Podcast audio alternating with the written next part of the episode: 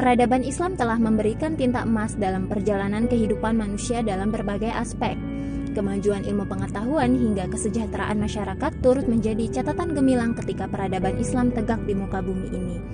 Era khilafah adalah masa di mana dunia Islam mendapatkan tempat istimewa dari lawan maupun kawan karena keagungan yang dimilikinya. Salah satu bentuk keagungannya adalah kesempurnaan dan jaminan kehidupan terbaik bagi rakyatnya.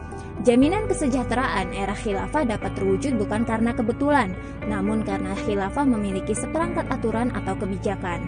Aturan maupun kebijakan ini bersumber dari syariat Islam, karena sejatinya khilafah adalah representasi dari penerapan Islam secara menyeluruh dan utuh. Aturan-aturan ini mencakup ranah individu, keluarga, masyarakat, dan negara.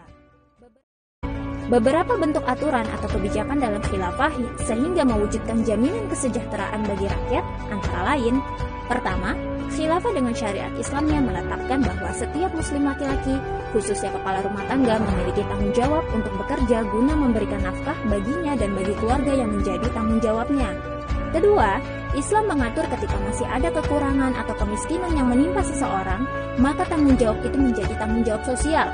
Maksudnya, keluarga dan tetangga turut dalam membantu mereka yang masih dalam kekurangan dengan berbagai macam aturan Islam, seperti zakat, sedekah, dan lainnya.